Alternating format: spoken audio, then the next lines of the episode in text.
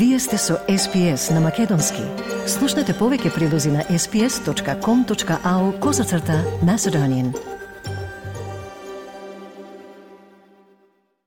Слушате Избес радио, програма на македонски јазик. Јас сум Васе Коцев. Следува извештајот од Република Македонија, а денес го подготви нашиот саработник Милчо Јовановски.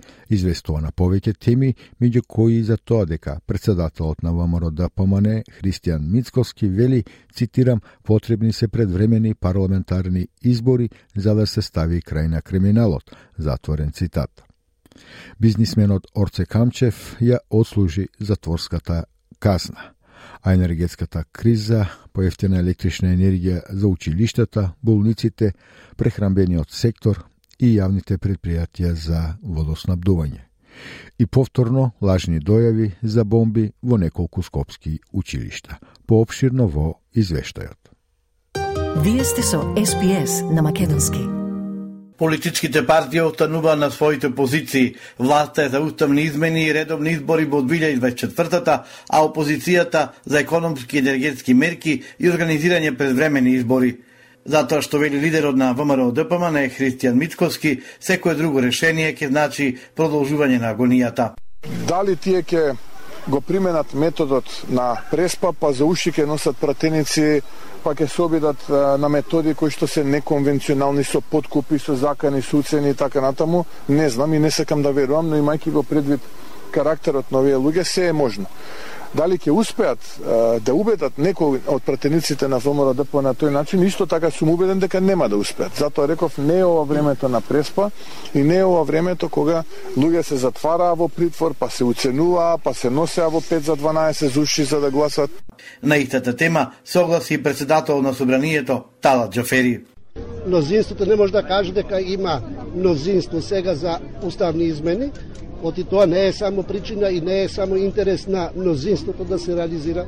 Затоа тоа треба да биде сеопфатен процес во кој што сите пратенички групи ќе учествуваат во процесот на измените и со тоа да го отварат патот понатаму наш пат патување кон Европската унија. Премиерот Димитар Ковачевски негира дека имало разговори за влез на Алијансата за албанците во владата. Не се разговарало за конкретна соработка во дел на приклучување кон владата, но ме радува а, дека ставовите кои што се однесуваат на еднината на државата имаат а, имаат а, подршка во партијата Алијанса на албанците. Председател на ВМРО ДПМН Митковски оценува дека власта делува во корис на Бугарија. По најавите дека на владина седница ќе се разгледува дали законот за здруженија треба да се испрати на проверка во Венецијанската комисија. Според него, Усвоениот закон уште веднаш треба да се примени, посочувајќи го бугарското здружение во Охрид. Како ќе се применува? Еве веднаш да им помогнам, уште утре да го затворат клубот е,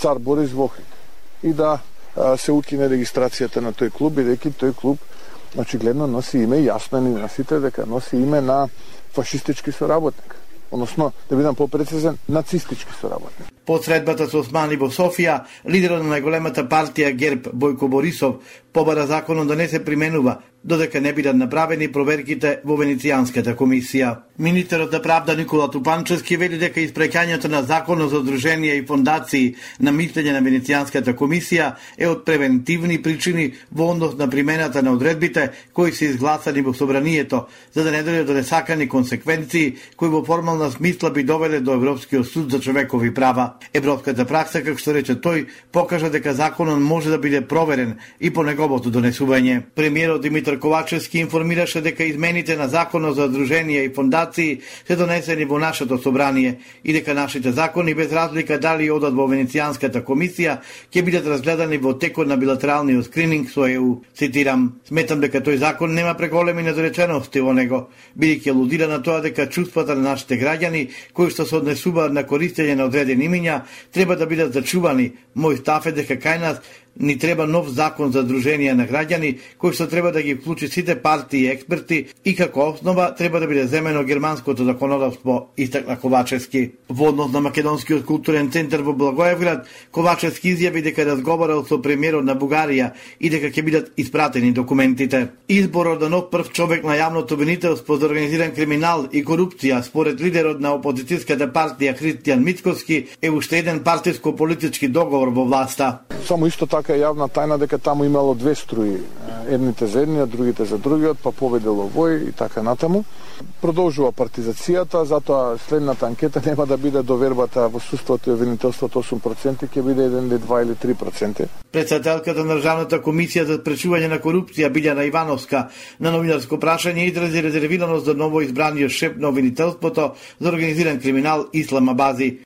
Во отсутство, како што реков, на овие критериуми, остава простор да помислуваме дека нели постоело некакво влијание. Доколку тој е човек со интегритет, ја лично не го познам, меѓутоа доколку тој е човек со интегритет, може да се избори да докаже дека еве јас сум тој кој што ќе го среди обвинителството. Во всушност работата, делата покажуваат сам да му дадеме простор на човекот, меѓутоа сликата до сега не е поволна поевтина електрична енергија за училиштата, болниците, прехранбениот сектор и јавните предпријатија за водоснабдување, почнува вклучувањето договори за поевтина струја до 30 април наредната година со СМ. Мерката предвидува производителите на основните прехранбени продукти да плаќаат по 80 евра за мегават час, а како што рече Ковачевски, компаниите се обврзале да ја намалат цената на основните продукти за најмалку 10%. Од ВМРО ДПМН оценува дека мерката е задотната, но добро е вели председател Мицковски што владата ги прифатила барањата на опозицијата. Бизнисменот Јордан Камчев во 6 ноември на слобода објави Бирн, откако е искористил законската можност да ги спои двете затворски казни од империја и плацовина на вонно како една.